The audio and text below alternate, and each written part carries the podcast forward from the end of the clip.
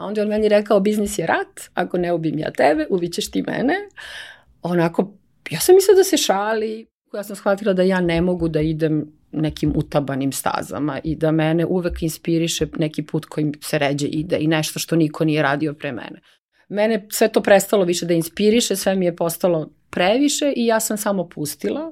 Nisam se više čak ni borila, ni pokušavala da to sve vratim jer to više nije bila moja igra.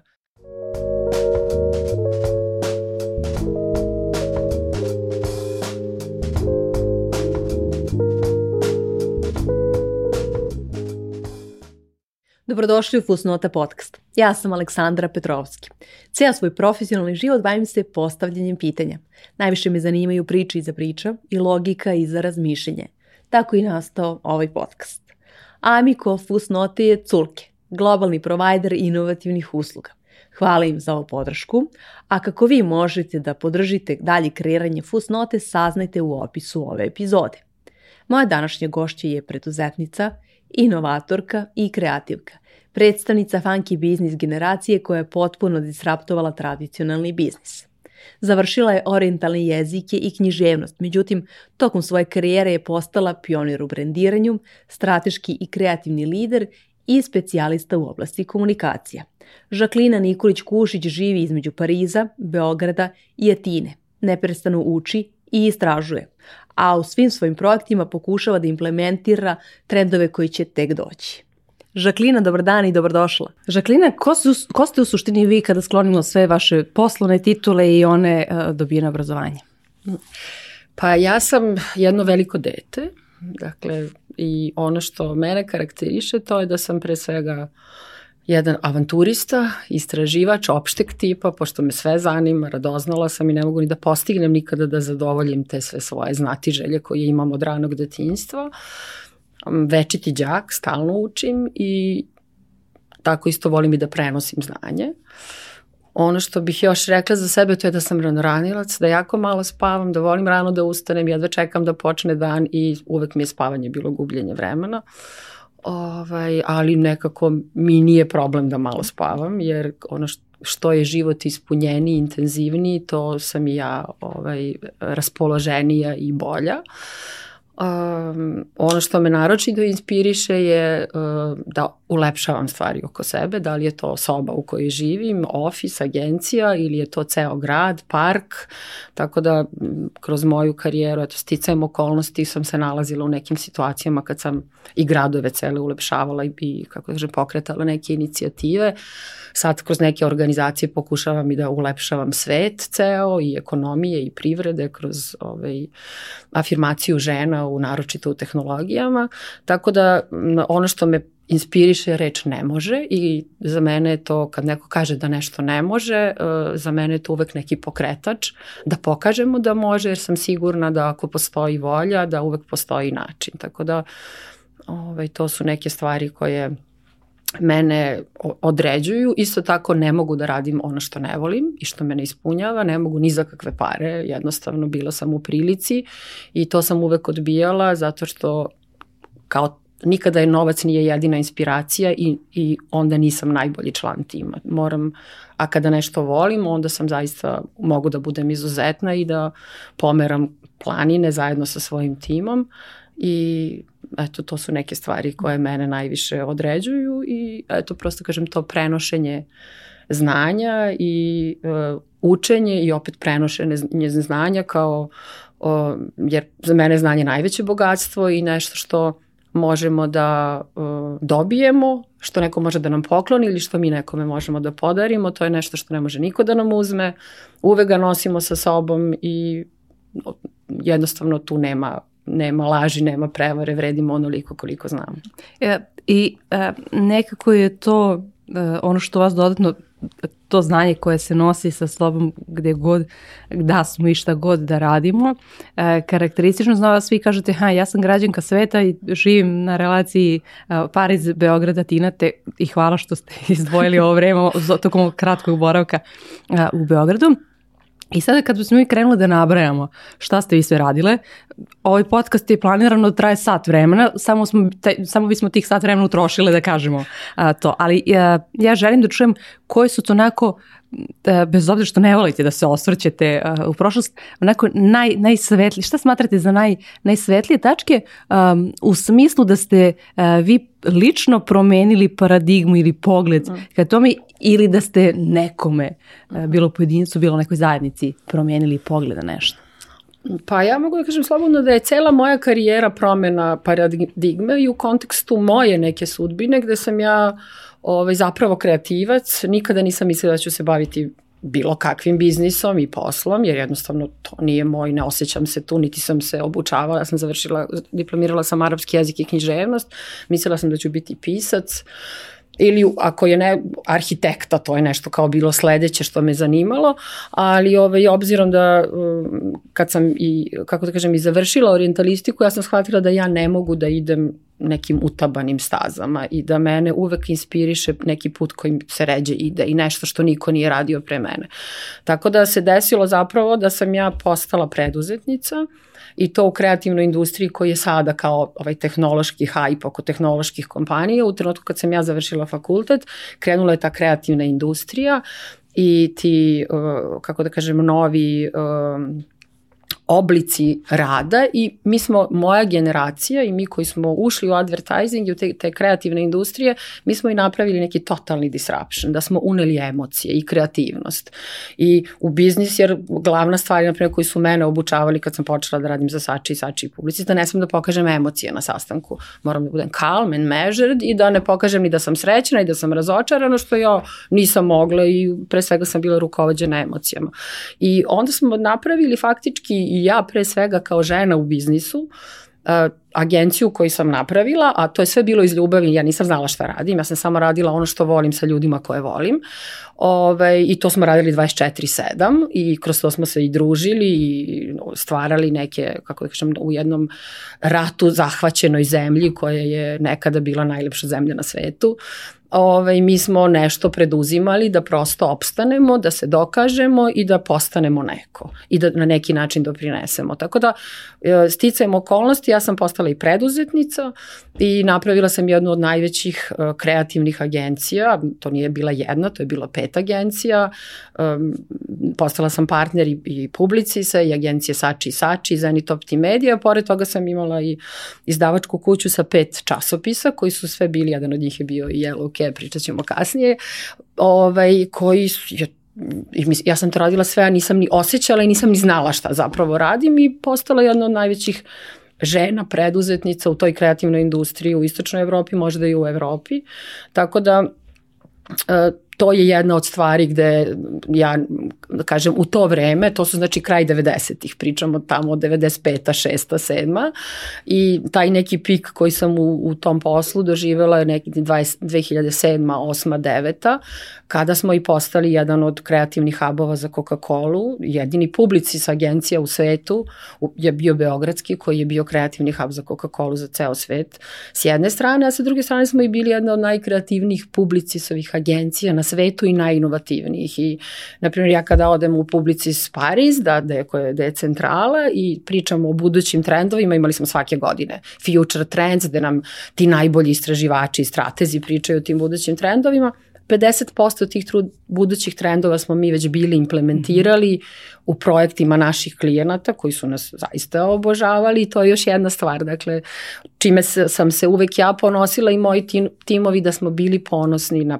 ono što smo radili za naše klijente i to nikada nije bilo samo za novac. Tako da i treća stvar je opet u kontekstu publicisa da je taj svetski tim koji smo mi imali tih godina u Beogradu, kada je Srbija bila najomraženija sveta, zemlja na svetu, agresor i tako dalje, da su nama svi dolazili iz celog sveta, te velike svetske kompanije, njihovi timovi, da dođu u Beograd da sa nama rade i da videš kako je moguće da u jednoj takvoj zemlji postoji jedan takav tim.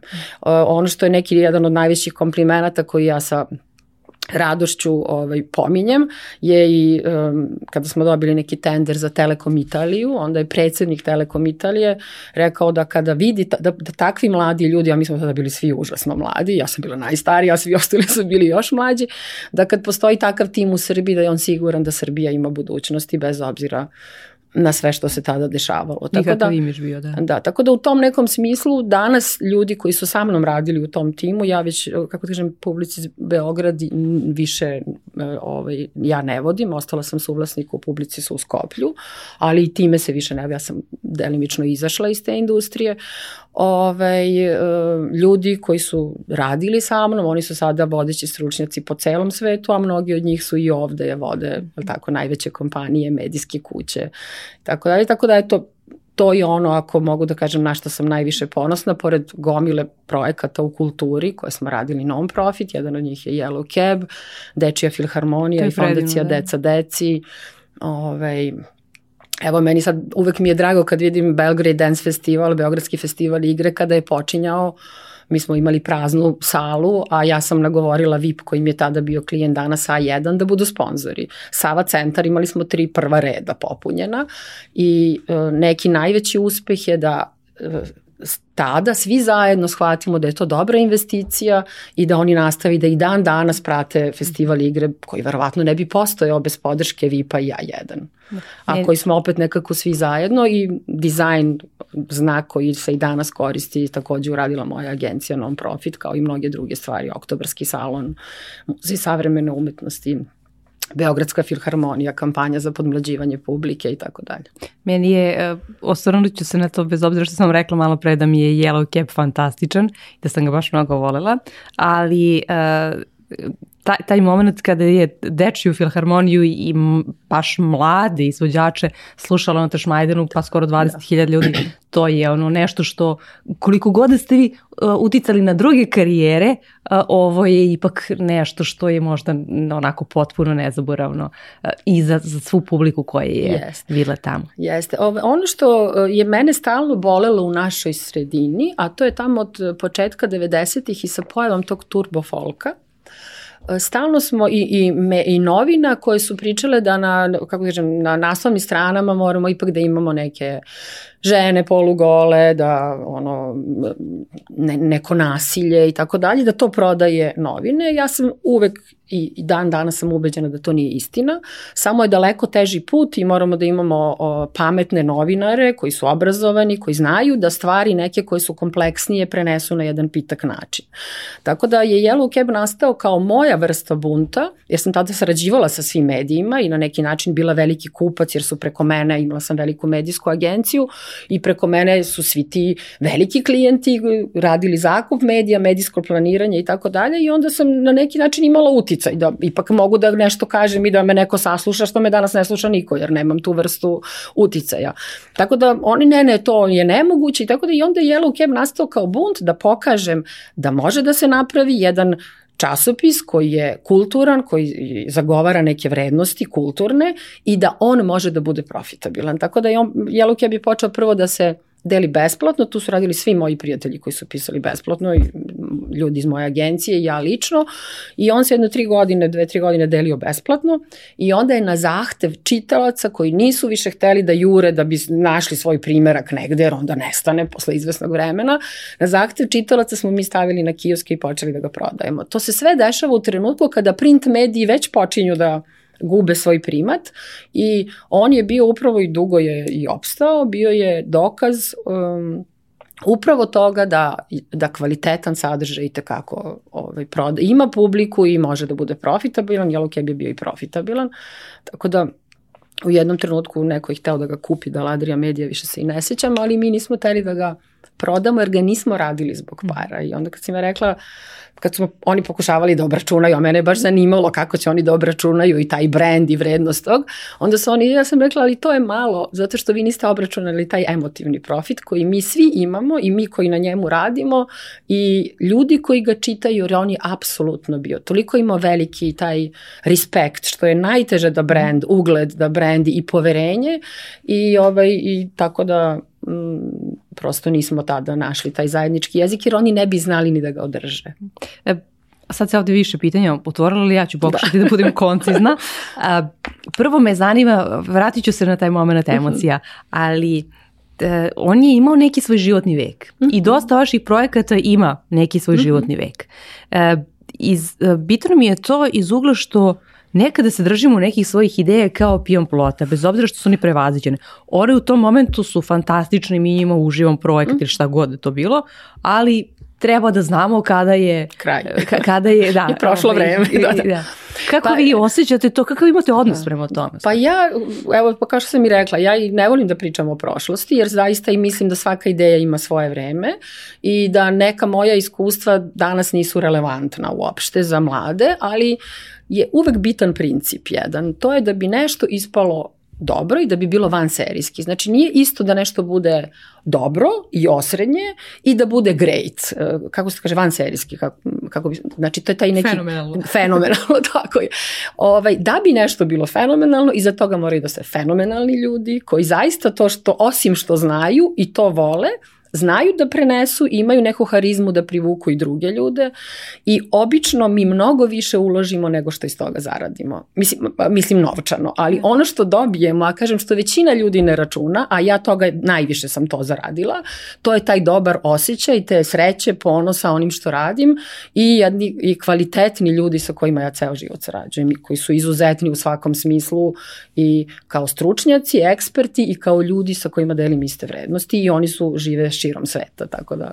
Malo pre, možda niste, ali nismo, nismo na taj da. način razgovarale, kada sam vas pitala ko ste u suštini vi, ja bih rekla da ste vi u stvari protočnih dobrih emocija. Pa, hvala vam na da, tome, da, da, da, da, da, mi da, da, ovaj, odnosno mediji za, da. za dobre emocije i kako zapravo uspevati jer e, ni, ni nositi se, mnogi ljudi danas nekako beže od rada sa ljudima i mm -hmm. to je najteže mm -hmm. e, da, da radimo sa, sa drugim ljudima, posebno e, da njihovu e, kreativnost, energiju, produktivnost e, i mm -hmm. emocije na kraj dana kanališemo e, da one budu konstruktivne. Ne mora nužno da budu pozitivne, ali da one da. budu konstruktivne.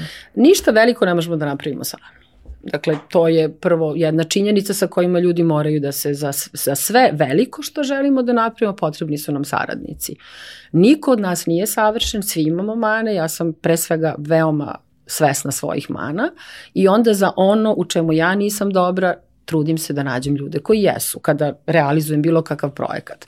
A onda od njih ne očekujem da oni budu savršeni, nego sam spremna da prihvatim njihove mane u kontekstu ako je to, ako je osoba ok, ako nije kako da kažem, prosto... Ako zbirna vrednost, ne mora svakog dana da bude najbolji je, moguće. Da, ali ne mislim da ako su uh, iste vrednosti, ako je etika neka ona osnovna i bazična, to mora da se zadovolji. Prosto ispod nekih stvari ne možemo da idemo i, i projekti koje radimo oni ovaj, prosto zahtevaju određenu vrstu i etičnosti i dobronamernosti i širine i ljubavi prema drugim ljudima.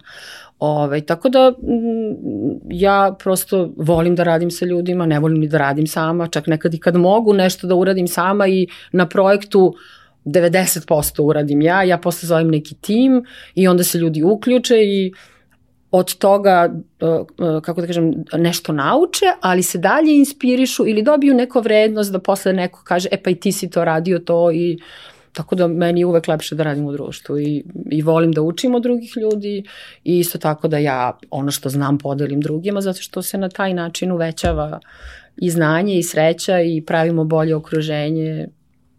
E, e, spomenuli ste, mislim, to mi je dobar šlagvord za naredno pitanje, i to je jedan od vaših uh, projekata. Vi ste 90. godina u Srbiji uh, bili žena preduzetnica. Prvo ste bili, radili ste u marketinškoj industriji, da, uh mhm. -huh. ovaj, i spomenuli smo taj, taj neki odnos uh, bez pokazivanja emocije i slično, što je muški princip, možemo da kažemo.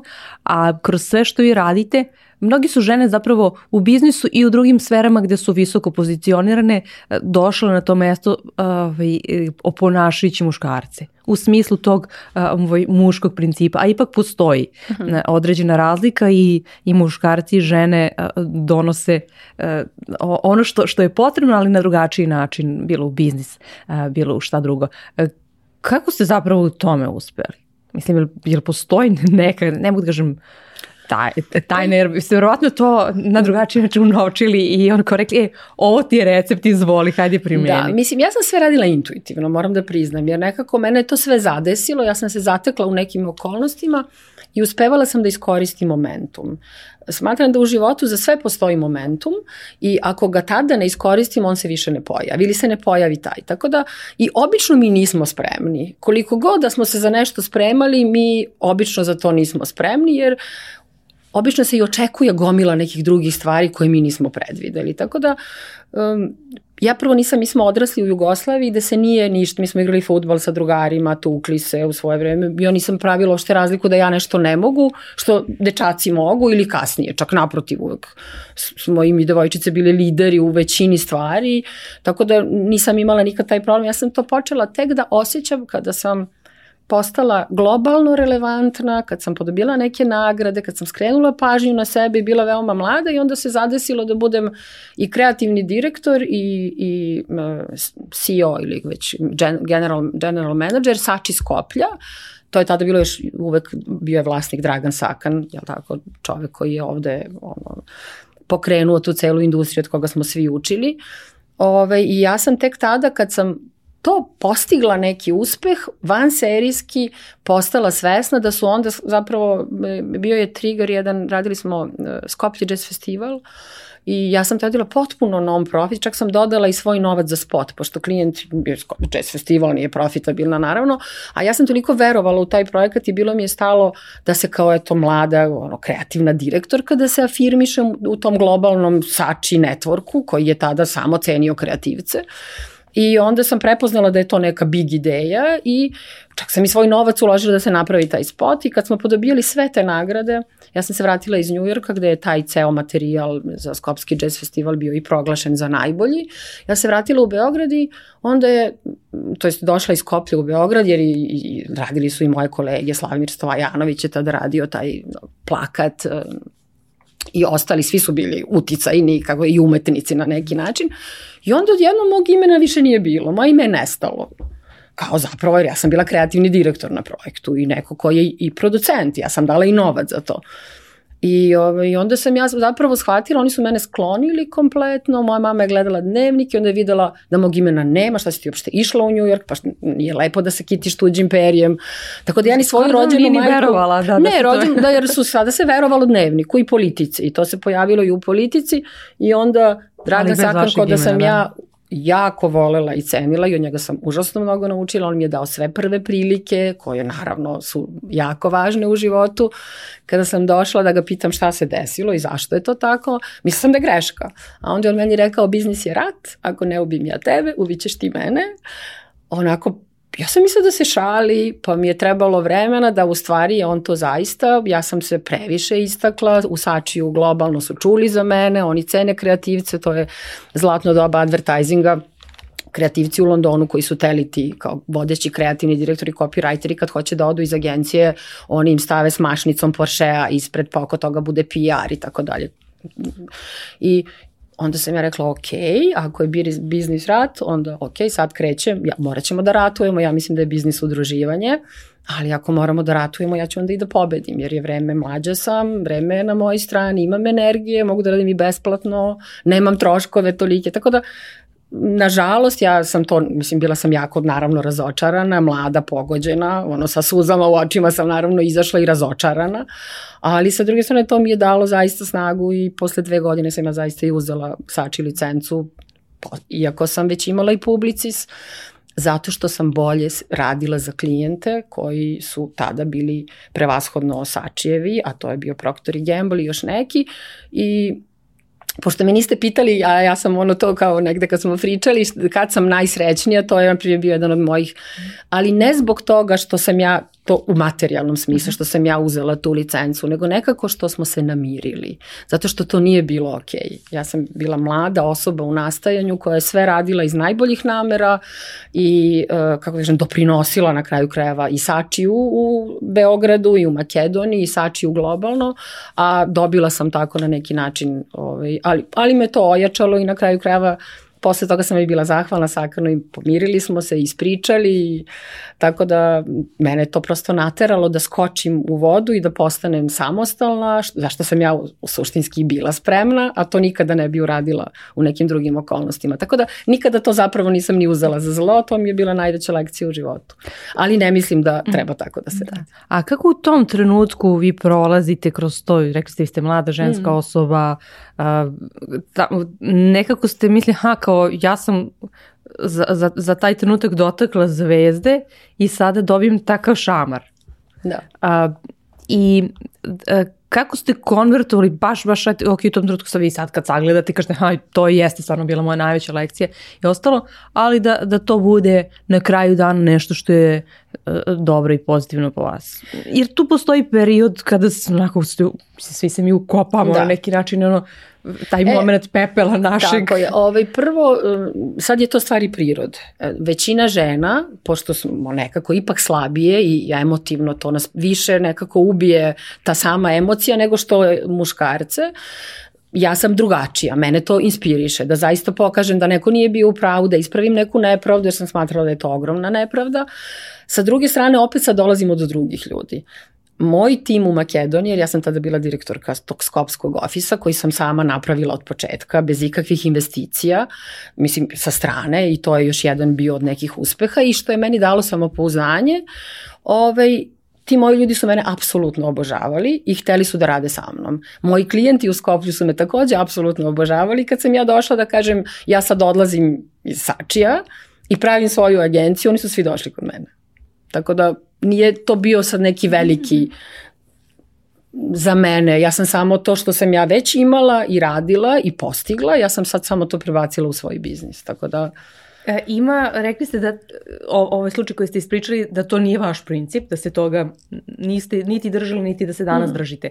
I volila bih da se zadržimo na tome, zato što vrlo često imamo, um, a vi ste neko ko je vrlo zaslužan za AFA i tako dalje, koje radi sjajne projekte, osnažujući žene, um, uglavnom kada, kada govorimo o tom ženskom osnaživanju imamo moment gde uh, jedan deo žene kaže, ha, ako sam ja to prošla, treba i ti da prođeš. I na neki način, pa ne mogu da kažem, su, naj, su, su možda veći neprijatelji nego, nego ovaj, muškarci ženskom uspehu i postignuću i uh, sledećem iskoraku, bilo to u karijeri ili privatnom životu? Pa, nažalost, ono što kako je AFA i pokrenuta, ovaj, svoje vremeno pre jedno šest godina, ja mislim, uradila sam neko istraživanje sa Elom, časopisom i sa uh, Granda Romom koja je tada se upravo negde targetirala i ciljna grupa su bile uspešne žene. Uradili smo jedno istraživanje na velikom uzorku žena iz raznih oblasti, doktorki, novinarki, profesorki, iz CEO-ova i onda smo pitali šta im smeta u njihovoj karijeri. Bio veliki uzorak i radili smo i online i jedan na jedan i fakultet je jedan bio uključen sa, sa studentkinjama koje su to radile I onda smo došli do zapanjujućeg otkrića, a to je da su žene najveći problem jedna drugoj. Da ono ima naravno i porodica i previše rade, mi radimo tri puta više nego muškarci.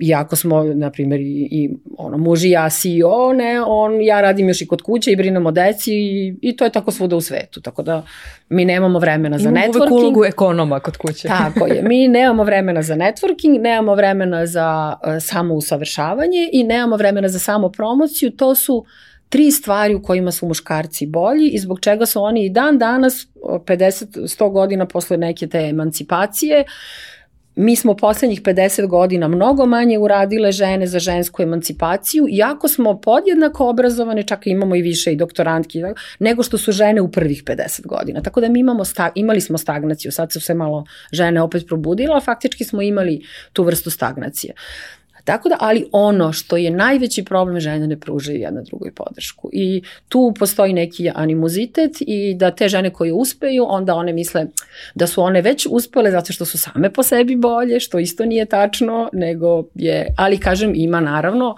i ovih koje, ja imam ogroman krug svojih, um, kako da kažem, prijateljica koje sam stekla i kroz svoju agenciju koje su radile kod mene, a danas su uspešne po celom svetu i klijentkinja i raznih saradnica i mojih ličnih prijatelja i da nema tog networka, nema šanse da bih bila uspešna. Dakle, ne može niko da bude uspešna da nema svoj network uspešnih ljudi i muškaraca i žena koji ga podržavaju.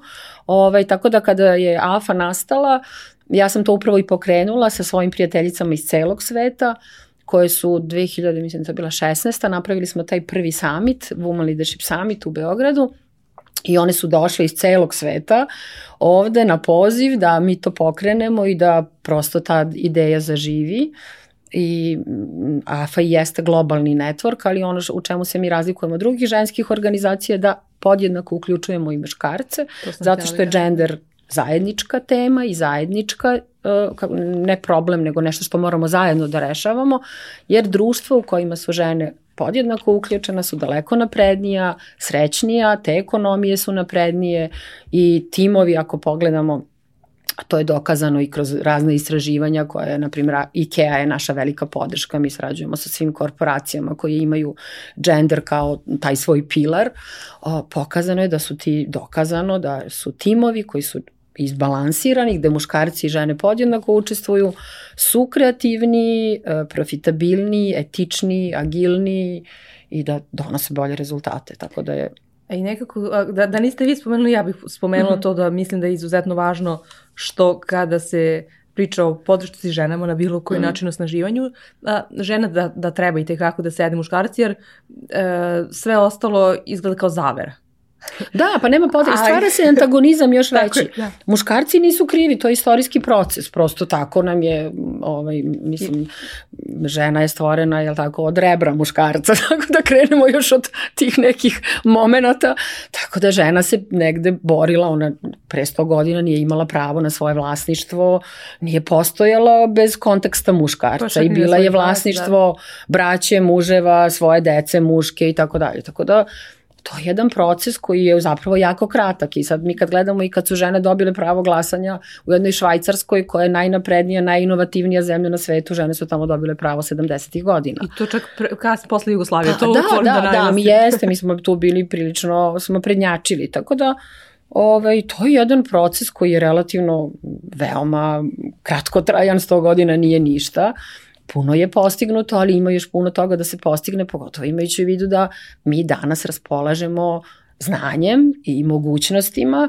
Ono što je problem je da još žene mnoge ne primećuju i mnogi će vam i reći da nemaju problema, ali to što one nisu imale problema, ja isto nisam imala. Imala sam dva ključna momenta, ali zapravo to ne znači da druge nemaju i da mi ne treba da pomognemo tim ženama koje imaju. Da, to sam baš ja pričala kada sam gostovala u jednom podcastu, da nešto što mene u tom trenutku nije omelo, ne znači da neke žene, druge žene ne bi sprečilo a, u tome da nastave neki Upravo. svoj put. Upravo. Ja verujem da je puno žena da im se desilo to što se meni desilo, da bi ona odustala i otišla na neko drugo mesto da rade kod nekog drugog. I, I da podvila to... rep, ono što se kaže. Da. E, spomenule ste tri stvari kao, kao vrlo ključne. E, umrežavanje, e, zati, ako je ženama nedostaju vreme za, za samousavršavanje a, i samopromocija. A, rekli ste mi malo pre da kod ovog trećeg a, niste a, u onome kako se, kako se danas to doživljava a, dobri, odnosno da niste postojani zapravo a, toliko, ali ste a, u samosavršavanju izvrsni. I, I kako uspevate, eto, ok, vaš, vaš sin je između ostalog sada momak, a, ovaj, veliki, ali kako, kako uspevate i taj deo, jer a, e, bez obzira što imamo vođenje timova i projekate koji su u toku, mm -hmm. u kakvoj godini formi bili, istovremeno da bismo bili relevantni za bilo šta ili da bismo napravili sledeći korak, a, to vreme za, za samo usavršavanje, za dalji napredak treba da izdvojimo? Mm.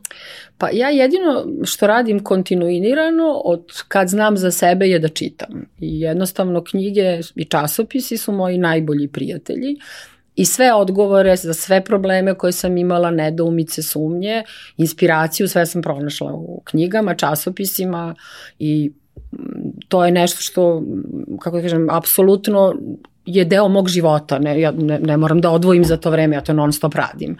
Ovaj, da li, i, i ono što isto ja, što mene određuje, to je da ne mogu da radim ono što ne volim. I najveća privilegija ili možda najveći uspeh je što sam uspela da svoje interesovanja pretočim u, i u neki svoj posao koji mi omogućava tu materijalnu egzistenciju koja je dostojanstvena sa jedne strane, a sa druge strane me stalno hrani da se osjećam, da se regenerišem i da me posao ne umara, nego naprotiv da on mene stalno regeneriše. I meni je smešno kada je to gomila saradnika koji su prošle kroz moje agencije i projekte, kad kažu posao nije moj život. Ok, dobro, mislim kako nije život kad najveći deo provodimo na poslu i meni je ja sam završila arapski jezik i književnost, tada u tom trenutku je stranica prevoda koštala 50 eura, daleko više od svako 50 dolara, sva, više nego bilo koji to je bilo najlukretivnije, radili smo puno sa arapskim zemljama, ja to nisam volela, ostavila sam. Onda sam počela da radim u Jatu. Jat je bio najveća svetska kompanija ko, u kojoj sam ja isto zbog znanja tih silnih jezika, pogotovo arapskog i turskog, mi se je bila blistava budućnost. Ja sam u Jatu bila najgora, prosto mene to ništa nije zanimalo, bilo mi je dosadno i to čemu i ništa nisam doprinosila i na kraju sam otišla jer sam se tu osjećala, bila sam nesrećna, u stvari idem na posao i svako jutro sam nesrećna. I tada su se već moji roditelji zabrinuli pa su rekli, mislim, ovo sad stvarno već neozbiljno u to vreme, nije niko radio što voli, nego radi što ti to omogućava jednu dobru egzistenciju. Neku traku, onako da. industrijske. I ja sam praktično. onda uspela da kad su mi oni pitali, dobro, šta ti hoćeš? Pa hoću da radim posao koji volim sa ljudima koje volim. To je bila iluzija. Mislim, meni su se svi smejali. Ali ja sam zapravo to uspela. I kako sam i počela da radim za Sači sa Draganom Sakarom, tako što sam pročitala opet jednu knjigu kome je on pisao kako je on uspeo. I onda sam ja videla kroz njegov primer da je to moguće i tako sam počela da radim za Sači i Sači, a radeći u advertisingu ja sam mogla sva ta svoje interesovanja koje sam sticala godinama i znanja koje su bi inače bila besmislena, koji su na nivou hobija, ja sam to pretočila u jedno veoma kredibilno zanimanje koje je zaista potrebno i koje ne može bez tako širokog obrazovanja. Tako da u advertisingu ne možete ili uopšte u marketingu i komunikacijama vi ne možete jer mi pravimo koncepte. A ono u čemu sam ja i što sam na neki način i i moja agencija, što smo mi ono i patentirali 2000-ih, kad to niko nije, da radimo brendove sa svrhom. Da se novac ne troši, budžet klijenata tek na puku promociju, nego da radimo nešto dobro što je za ciljnu grupu i da se promovišemo na to, taj način stvarajući taj goodwill i dobar što se vraćalo opet brendovima i biznisima daleko više i budžet se bolje trošio nego te kako napustimo reklamu i kažemo mi smo najbolji, najlepši, koristite naš proizvod. Što je sada da, onako što je sad najtraženije moguće. Trend, da. ali i danas samo 20 ili 30% svetskih kompanija to radi na pravi način, većina samo priča o tome jer ne znaju to da naprave. Da bi se to zaista napravilo, potrebno je upravo to obrazovanje, da razumete šta se dešava sa svetom, da razumete koji su problemi vaše ciljne grupe, da sa njima saosećate i da onda napravite nešto u čemu oni žele da učestvuju, tako da...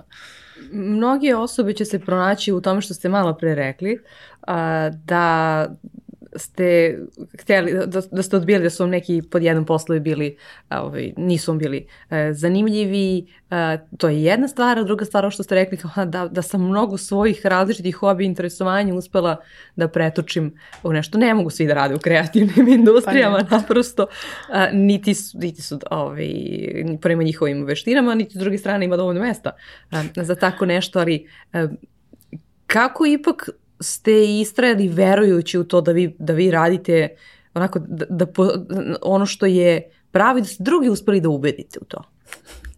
Pa to su uvek rezultati. Znači, Ali kada, rezultat, kada ste na da. početku, da. rezultata nema. E pa, ja sam ono i one man band. Ono što je dobro, to je, kažem, opet zbog tih različitih interesovanja, ja sam vrlo brzo sve mogla da uradim kompletno sama, manje više. Uz medija planiranje to nikad nije bilo moje, kao i sada ono pla, plasma na digitalnim, prosto ja nisam taj tehnološki mind, nažalost, jer mi živimo sada u tehnološkoj eri, kada ako ne razumete neke stvari, ne možete prosto svoj biznis da digitalizujete i ne možete da budete relevantni. Tako da sad ulažem veliki i ogroman napor da to razumem i sve može da se nauči, samo je pitanje želje da utrošimo vreme i svoju energiju, a da onda žrtvujemo nešto drugo. Tako da, e, i um, ovo, um, kako, šta ste me pitali, kako sam bila ubeđena da to mogu? Pa zato što sam rešena da mogu i da ću sve da uradim što je potrebno da to bude uspešno. I ono što su na početku klijenti kod mene cenili, kad su videli, jer uh, u trenutku kada se raspada Jugoslavija, Beogradski Sači je bio jedini koji je kredibilno radio i slovenački delo, studij i tako dalje bilo, ali Sloven, Beogradski Sači je stvarno bilo mesto da su se stvari radile na pravi način i ta cela metodologija iz Londona je isto stizala, know-how i tako dalje. I E, ja sam postala, posle godinu dana rada u Sači, ja sam postala uh, si, mislim, partner i, uh, uh, i kreativni direktor u agenciji u Sači u Skoplju, a kako sam to postala? Tako što niko nije hteo da ide. Sakan je podelio sve svoje najbolje ljude, poslao u, dobio je pravo da otvori u svim zemljama ovaj, sada novim i poslao je svoje najbolje ljude da budu tamo managing direktori, kreativni direktori, a Skoplje je ostalo prazno. Ja sam pitala zašto tamo niko ne ide, pa kao tamo nema tržišta, mi nikada nismo imali klijente, nećemo da investiramo. I onda sam rekla, a, dobro, ako ja sad tamo napravim, dobijem klijenta, i obezbedim odmah sredstva da ofis počne da radi, da li ja mogu da budem vlasnik, da budem partner i da budem direktor. Pa on je rekao čovjek može, uopšte nije ni očekivao da ja to uspem. Pa nisam ni ja baš očekivala, ali preko Jata sam već imala neka poznanstva i znala sam da oni tamo prave aviokompaniju u Skoplju i onda sam otišla u Skoplju i ugovorila za tu aviokompaniju da radimo ceo branding. Ja nisam ni znala baš šta to sve to tačno tada znači, ali sam čitala kroz knjige i tako, tako da E, klijenti su uvek osjećali da i oni to ne znaju, ali da ja znam i da ću se potruditi da oni dobiju najbolje što može u tom trenutku. Tako da ta vrsta mog komitmenta nekog i e, to da sam manje više da gotovo da ja, ja se i, i ne znam sad baš da se setim da sam negde napravila neki stravičan propust. Naravno, dešavalo se i to, ali smo uvek u hodu. Kada ste iskreni i sa svojim klijentom i sa svojim timom, vi u hodu menjate i ne držite se kao pijan plota. Nikada ništa nisam tvrdila da je 100% sigurno i da će, samo kažem, ja verujem. Prethodna iskustva su pokazala, ajmo da probamo zajedno, menjat ćemo usput. Tako da, kada postignete to uzajamno poverenje sa svojim klijentom, sa svojim uh, ovaj, zaposlenima, onda je to, vi uvek nađete rešenje, tako da...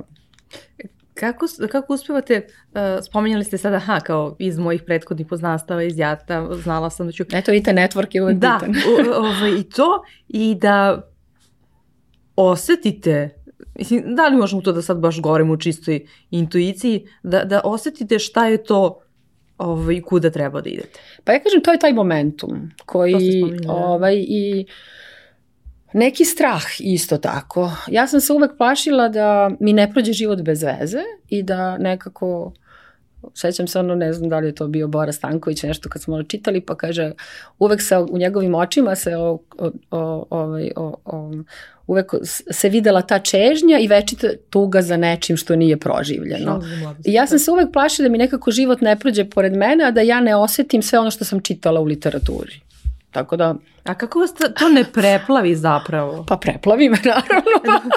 Koliko? preplavi, naravno, svakoga preplavi, ali onda se borimo, pa neke stvari... Evo ja, na primjer, ako me sad pitate, meni je uvek bilo smešno to kad sam bila na vrhuncu karijere u publici, i to kad sam imala tih pet agencija u nekoliko država i radila za Coca-Cola te kampanje za, za ceo svet i za neke druge klijente i uh, ja sam tada bila samo mama i samo sam radila. Ništa drugo. Nisam postojala za svoje prijatelje, za svoje roditelje, za svoju porodicu. Uh, ni za samu sebe, nisam išla u džim, ni, ni, ovo što danas žene kao obavezno moraju. Ove, I onda sam bila na nekom skupu pa su me i pitali kao sve smo mi kao uspešne i onda kako mi to sve uspevamo. I sve su došle iz Fenira, nesređene, nas desetak, bio neki 8. mart. One žene sve pričaju to. Ja kažem, ja sam ovde zalutala. Prvo ja se malo osjećam da sam loša mama, a, a samo te dve stvari u stvari sam fokusirana. Jedno vreme mislim da sam loša mama, a drugi put mislim da sam u stvari najgora, ono, kako kažem, direktorka ili već šta god rad u svojoj agenciji, jer stalno imam utisak da nekako Ovaj, to je neki osjećaj s kojima celog života nema, ono, pa kad me pitaju isto balans između privatnog života i pa nema, mislim, balans praviš, jedno vreme si malo više u porodici, pa si onda malo više i to isto osetiš kad moraš. Ja sam za svoje dete kad je krenulo pubertet, ja sam sve ostavila i tri godine sam bila full time mama jer sam shvatila da sam mu potrebna. Kao što prethodnih godina sam mogla i da ga zaboravim u obdaništu jer sam egzaltirana nekim projektom, pa on čeka tamo sa, sa čuvarom i to mi je zapamtio ceo život, stalno si me zaboravljala, zaboravila sam ga samo jedno, tako da Ali da, drago mi je zato što ste uh, ovo ispričali, jer imamo e, opštu popolu, mi smo e, sve savršeni, to zapravo pogotovo šteti ženama. Mi smo sve savršeni u svakoj ulozi i uvek e, smo potpuno e, doterani to redovno idemo u teretanu e, i slično ali to... Ja tek sad idem u teretanu zato što mi je važno zbog zdravlja. Prethodno je bilo, bavila sam se nekim sportovima koji su isto bili zadovoljstvo i koji su me onda održavali u nekom, sada već u nekim godinama moramo ozbiljnije da se pozabavimo i onda se menjaju i neke rutine ali sada više dete, više nemam obaveze oko deteta na način na koji sam imala ranije, tako da se te okolnosti isto menjaju. E, kako od jedne karijere koja je fenomenalna, uh, odlučite da budete full time mama. To nije lako u tom momentu, pogotovo što ih sad kao kažete, ja, ja uvek se plašim da mi nešto da, ne, ne, promakne. ne promakne i tako da je taj FOMO drma da. skroz. Pa ovo što ste rekli, ja sam u jednom trenutku bila preplavljena svim što sam radila i postala sam čak i usko grlo. Dakle, ja nisam menadžer i onda kada je biznis postao ogroman, zaista, a ja toga nisam ni bila svesna, jer sam ja radila dnevne poslove, projekte, ja sam uvek vodila te najveće projekte, najveće klijente, puno putovala, a imala sam svoju finansijsko pravnu službu koju to oni meni onda i pokažu te izveštaje, ja to nisam se mnogo ni udubljivala.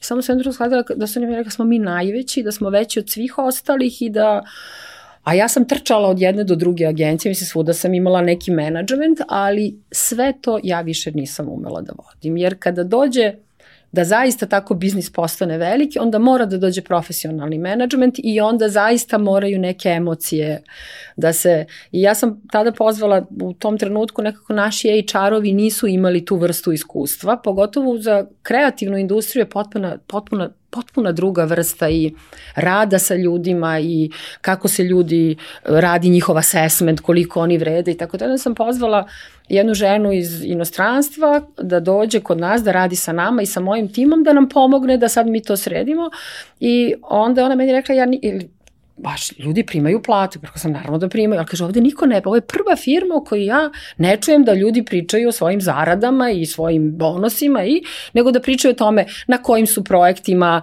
šta rade, da li rade ovo, koja im je funkcija, sve stvar nekog rekognishena.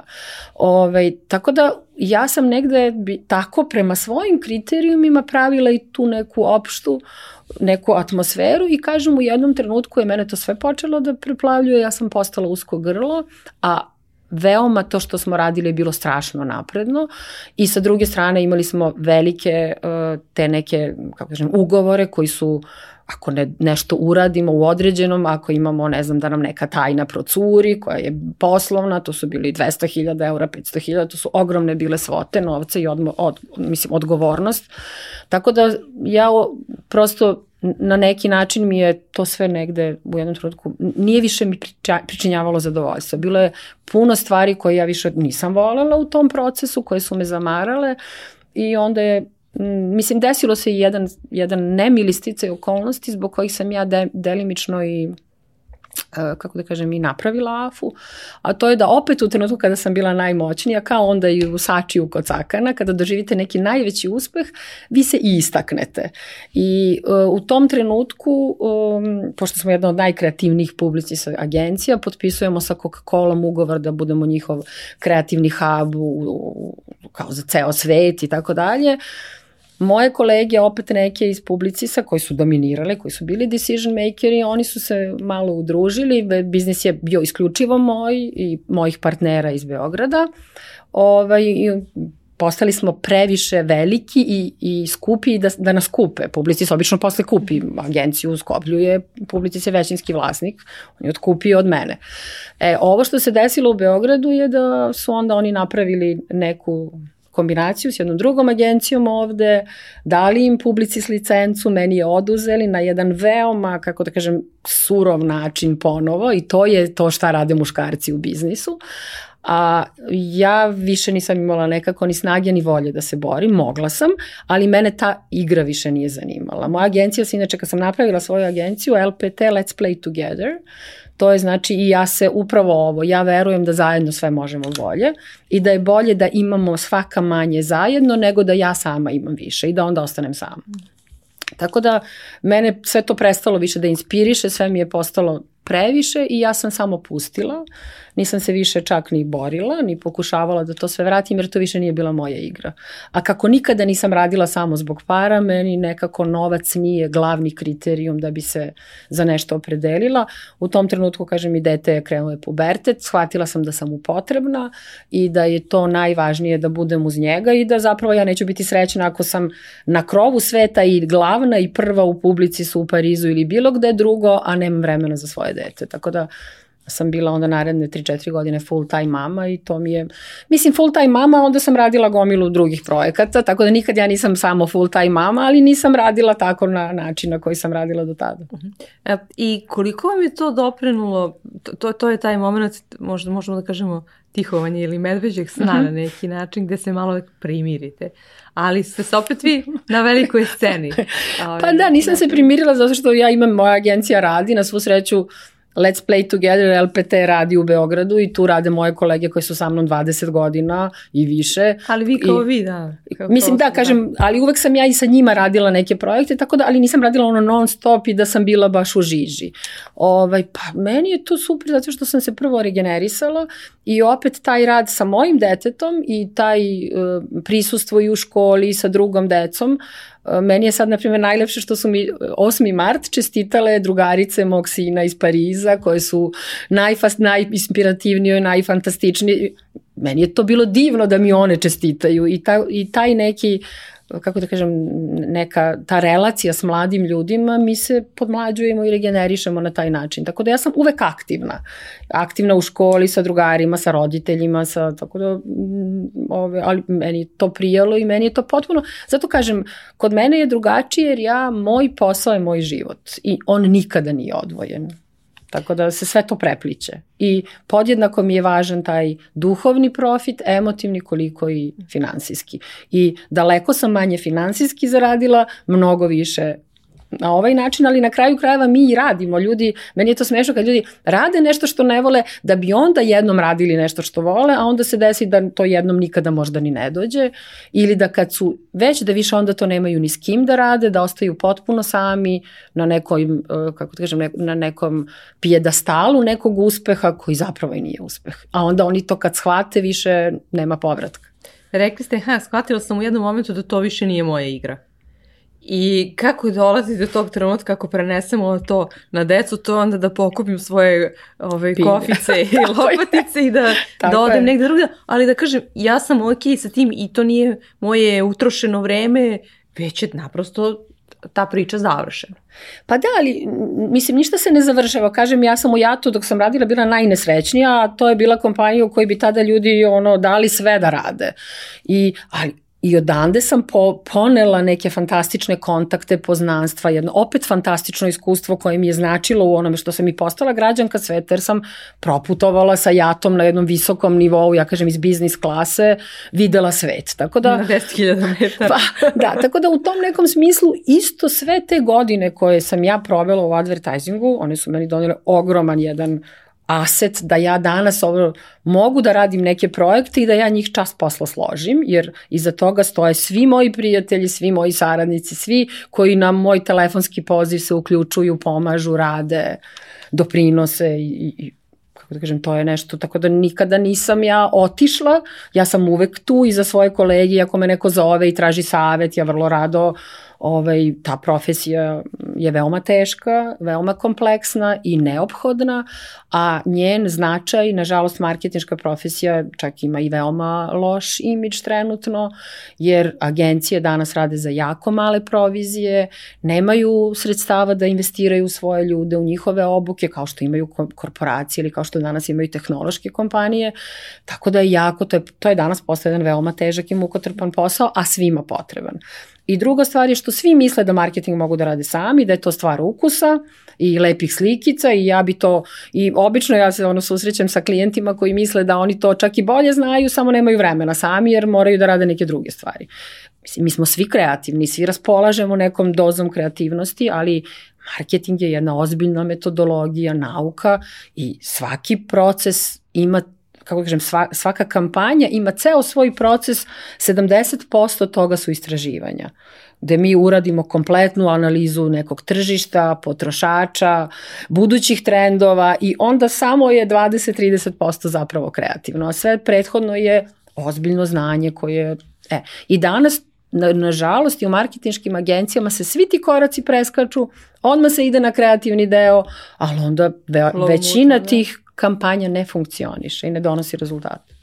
E, to, to je ono što, kako se vi rukovodite u kampanjama. E, koliko kada generalno donosite vi odluke, e, prethodi istraživanje, analiza i ostalo? Uvek, uvek prethodi analiza i istraživanje. Nekad je, kažem, ono, sednem baš po istražim, a evo i kad sam kod vas trebala, ja sam pogledala sve šta vi radite, ko su bili vaši gosti, prosto da, da vidim da li je meni uopšte mesto kod vas, da li sam ja dobar izbor, da li ću ja biti dobar sagovornik, tako da uvek uradim analizu i kažem nekad je ona zaista temeljna i uključim i neke druge ljude koji znaju bolje ne, te stvari koje su bitne ili da procene, a nekada i sama, ali kažem uvek je prethodi. I da, i rekli ste mi još nešto, o, o, ja mislim da će ovo biti možda prema ono što sam ja pogledala, vaš prvi intervju na YouTube-u koji je zabeležen, vjerojatno da postoji na televiziji i tako da. dalje, ali a čak i generalno u medijima vi se gotovo ne pojavljujete. Tako da mi čast mi je zato što ste uh, odlučili, što ste rekli da zapravo a, ovdje. I šta je razlog tome?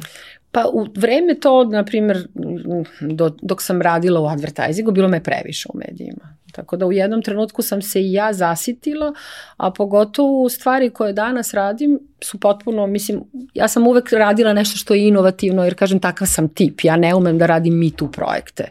Nisam u tome dobra. Neki ljudi znaju da vide neki dobar biznis model, malo ga nešto preprave, dodaju i naprave od toga nešto super.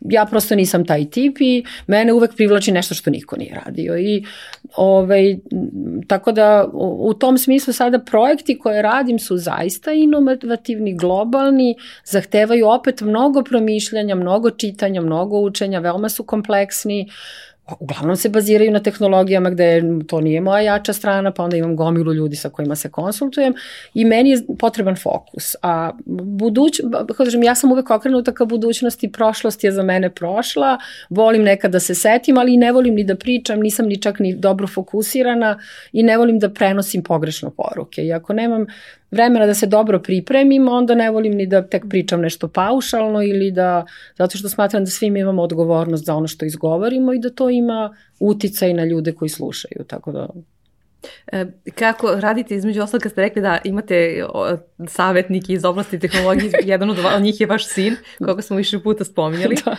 koji je takođe multipotencijalista. E, kako izgleda rad zapravo sa, sa ljudima vi okupljate Da, i ljudi koji postoju vaša porodica, ali oni koji jesu suš, suštinski uh, vaša porodica. I tu baš ima mnogo ovaj, i, i emocije i sve. I kako izgleda taj rad sa ljudima koji... Pa on je veoma napet i pun je uspona i padova, tako da gde su emocije u pitanju, jel tako, tu uvek ima, ali nam je svima zabavno i bitan je taj krajnji cilj, a to je da kad nešto uradimo, da se ponosimo i da nas to vodi negde dalje, da otvara neke puteve. Ja nikada ništa ne radim jednokratno. To uvek negde vodi i nekad ja mislim da će to da odvede negde, mislila sam, ali onda se ispostavi AFA kako sam je ja videla u trenutku kad smo je pokrenuli, potpuno ispala nešto, ne deseto, nego sto deseto, jer smo vremenom ono učili, videli šta je potrebno, videli smo šta motiviše druge ljude da se priključe i kompanije i pojedince i sada smo kreirali jednu ogromnu zajednicu ljudi iz raznih oblasti i preduzetnice i, i tek žene i muškarce iz i tako. I sada mi svi radimo zajedno na tom džender i samo tako stvari mogu da se menjaju. Tako da ovaj, tu je uvek važan samo iskren odnos, da možemo da iskreno primimo kritiku i da je iznesemo, a da ona ne bude zlurada, zlonamerna i da nekoga povredimo. Tako da, a bez toga jednostavno ne može da se ide napred. I ja sam uvek volela, mada to ljudi ne vole, da kažem ono u čemu smatram da neko bude, može da bude bolji. I da meni to isto tako kažu. Zato što ono u čemu se udaramo mi po ramenima ko je u čemu dobar, ok, i to treba jer tako se promovišemo. To žene isto obično ne rade, muškarci to bolje rade da hvale jedni druge. Mi to ne radimo, tako da mi to sad kroz AFU i učimo, da uvek hvalimo jedna drugu i da na taj način dajemo ovaj, kredibilitet jedna drugo i promovišemo, ali sa druge strane ja najviše volim kad mi neko kaže e to si mogla bolje, ovako ili onako tako, nekada ljudi nisu u pravu, ali to već što se mi objasnimo, ja dođem do, ili kažem odmah da, da, apsolutno si u pravu i to ću da promenim sve ili ću da... Tako da tako napredujemo, napredujemo tako što se suočavamo sa svojim propustima ili nedostacima i onda ili nađemo nekoga ko će da nam pomogne da to radi. Ovaj, ne možemo ni, ni u svemu li da budemo najbolji, mislim, niti treba da budemo. E, ja sam se sada setila razgovarajući sa vama uh, jednog viralnog uh, klipa na YouTube-u gde stoji jedan momak, onako neki proplanak i stoji jedan momak i džuska sami, ovako ga prvo gledaju, a posle kreću da mu se pridružuju. -hmm. I to je stvari vrlo često kada govorimo o nekim neutapanim stazama, o nekim uh mhm. -huh. inovativnim projektima, če, često se navodi kao, kao primer toga. I kako vi uspevate u tome?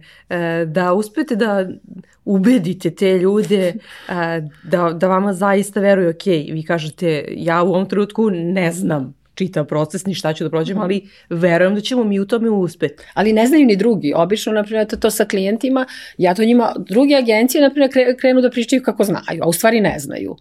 I onda u procesu, pošto klijent zna najbolje svoj posao, on vidi da tu nešto fali i da to nešto nije u redu. A ja kažem, mi to nismo nikada radili, ali nije radio niko drugi. Ali ćemo mi sad to sve da izučimo i sa vama ćemo i onda ćemo to zajedno. Tako da u tome je da vi odmak, jer, a, ili ako nešto niste, onda ne možete da vredite da ste radili, da operišete čoveka ako niste nikoga pre toga operisali. Tako da, a u marketingu se to radi. I mislim i u nekim drugim profesijama. Tako da, ovaj, a ovo što ste rekli za tog jednog koji igra pa svi dođu, to je primjer koji najviše volim. Znači, to je power of one.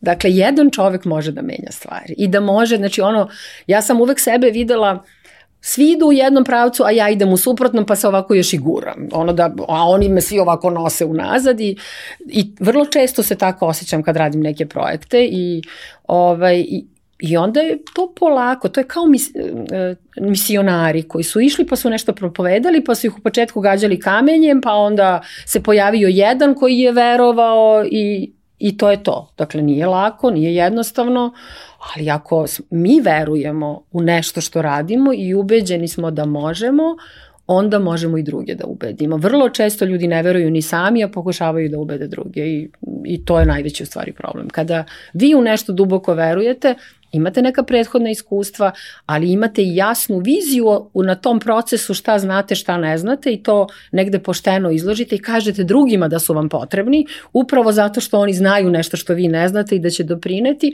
onda ljudi vole da se pridruže. Ali ako ste vi najpametniji, najlepši, najbolji, neće niko ni da vam se pridruži, jer šta ću ja, pa ti već imaš sve. Uh, imate e, jedno lidersko predavanje Život kao avantura. Ja bih jako volela ove, ako ga održavate ili online ili da. Srbiji da me pozovete uh, sledeći put, ali uh, možete li reći mi na, na ličnom primjeru uh, još nekom, da ste uh -huh. ih sada dosta rekli, kaj, kakav je to moment ka, kako da vi prevezilate strah i kada se uh, suočavate, cela ova priča jeste na neki način sa, sa rizikom? Pa evo, meni je najveći uvek strah bio da mi život ne prođe bez veze i da ga ne, nekako ne propustim. Ovaj, tako da Uh, Kako do sad ocenjujete taj skor so, sobstveni?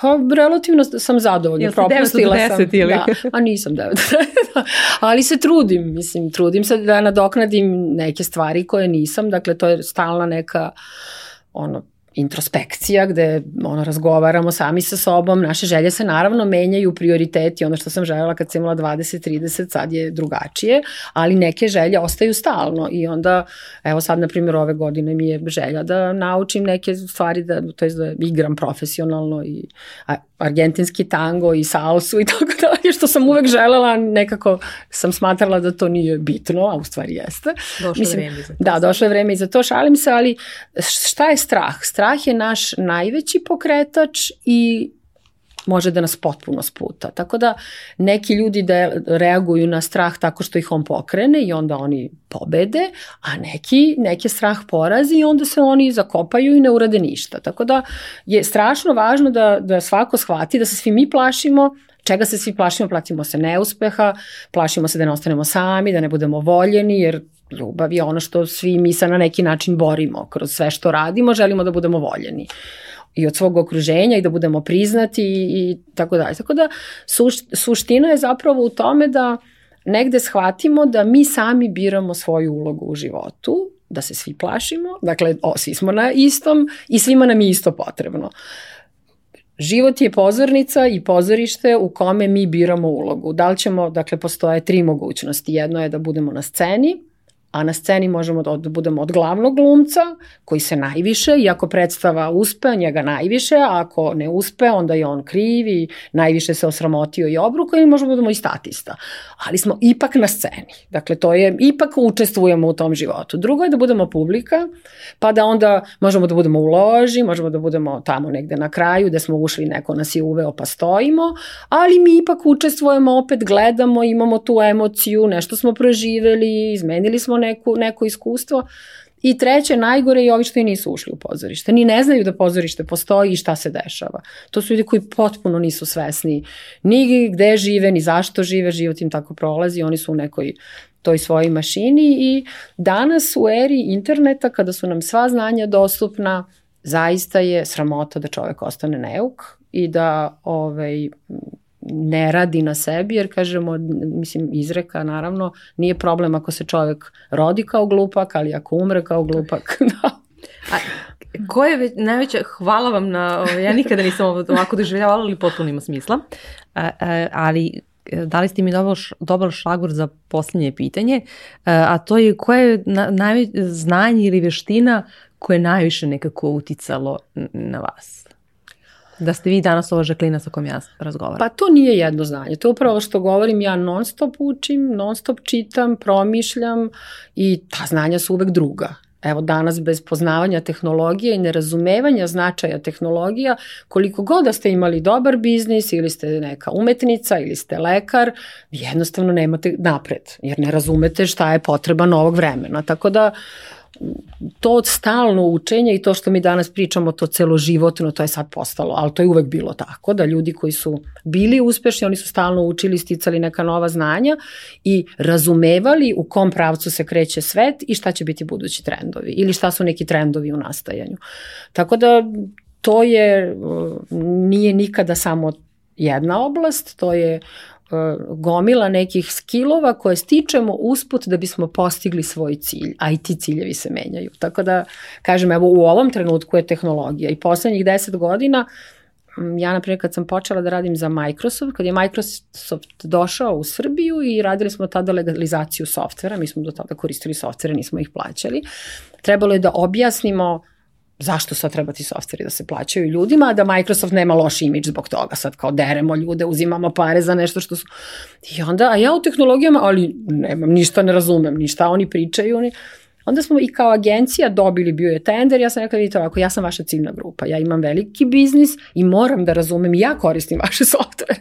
Dakle, ako ja vas ne razumem, moram da vas razumem da bi ja to posle prevela nekim pitkim jezikom, to što vi inženjeri radite, ali oni pričaju potpuno drugim jezikom. Tako da svaki put vam treba i od tada zapravo sam ja shvatila značaj tehnologije i da to što ja nemam taj, taj dar, kao što neki drugi ljudi imaju, inženjeri, i to razumeju da moram da uložim veći trud jer prosto bez toga ne možemo dalje. Kao uh, engleski, što, pa niko ne uči engleski što voli da priča engleski, nego što bez njega ne možemo ni da odemo, da putujemo, a ne li da radimo neki ozbiljniji biznis ili niko ne vozi kola što voli da vozi kolo, nego da stignemo, pa neko vozi bolje, neko uživa, neko ne uživa uopšte.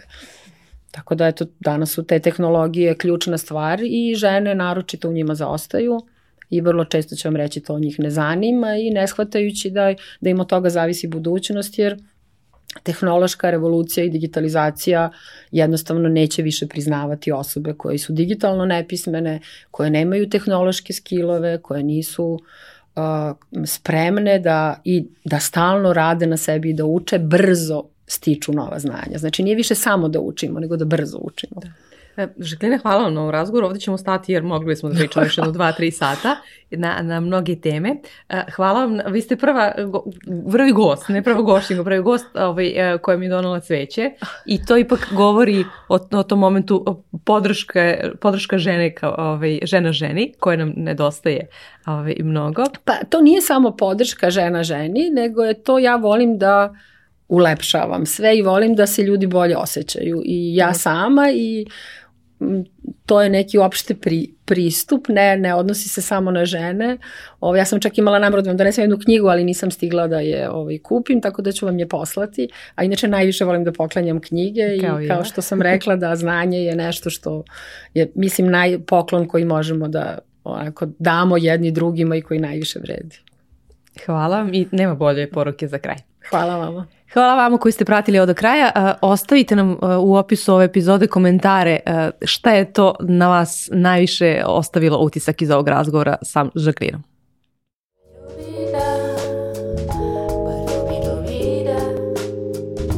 da, da, ba da,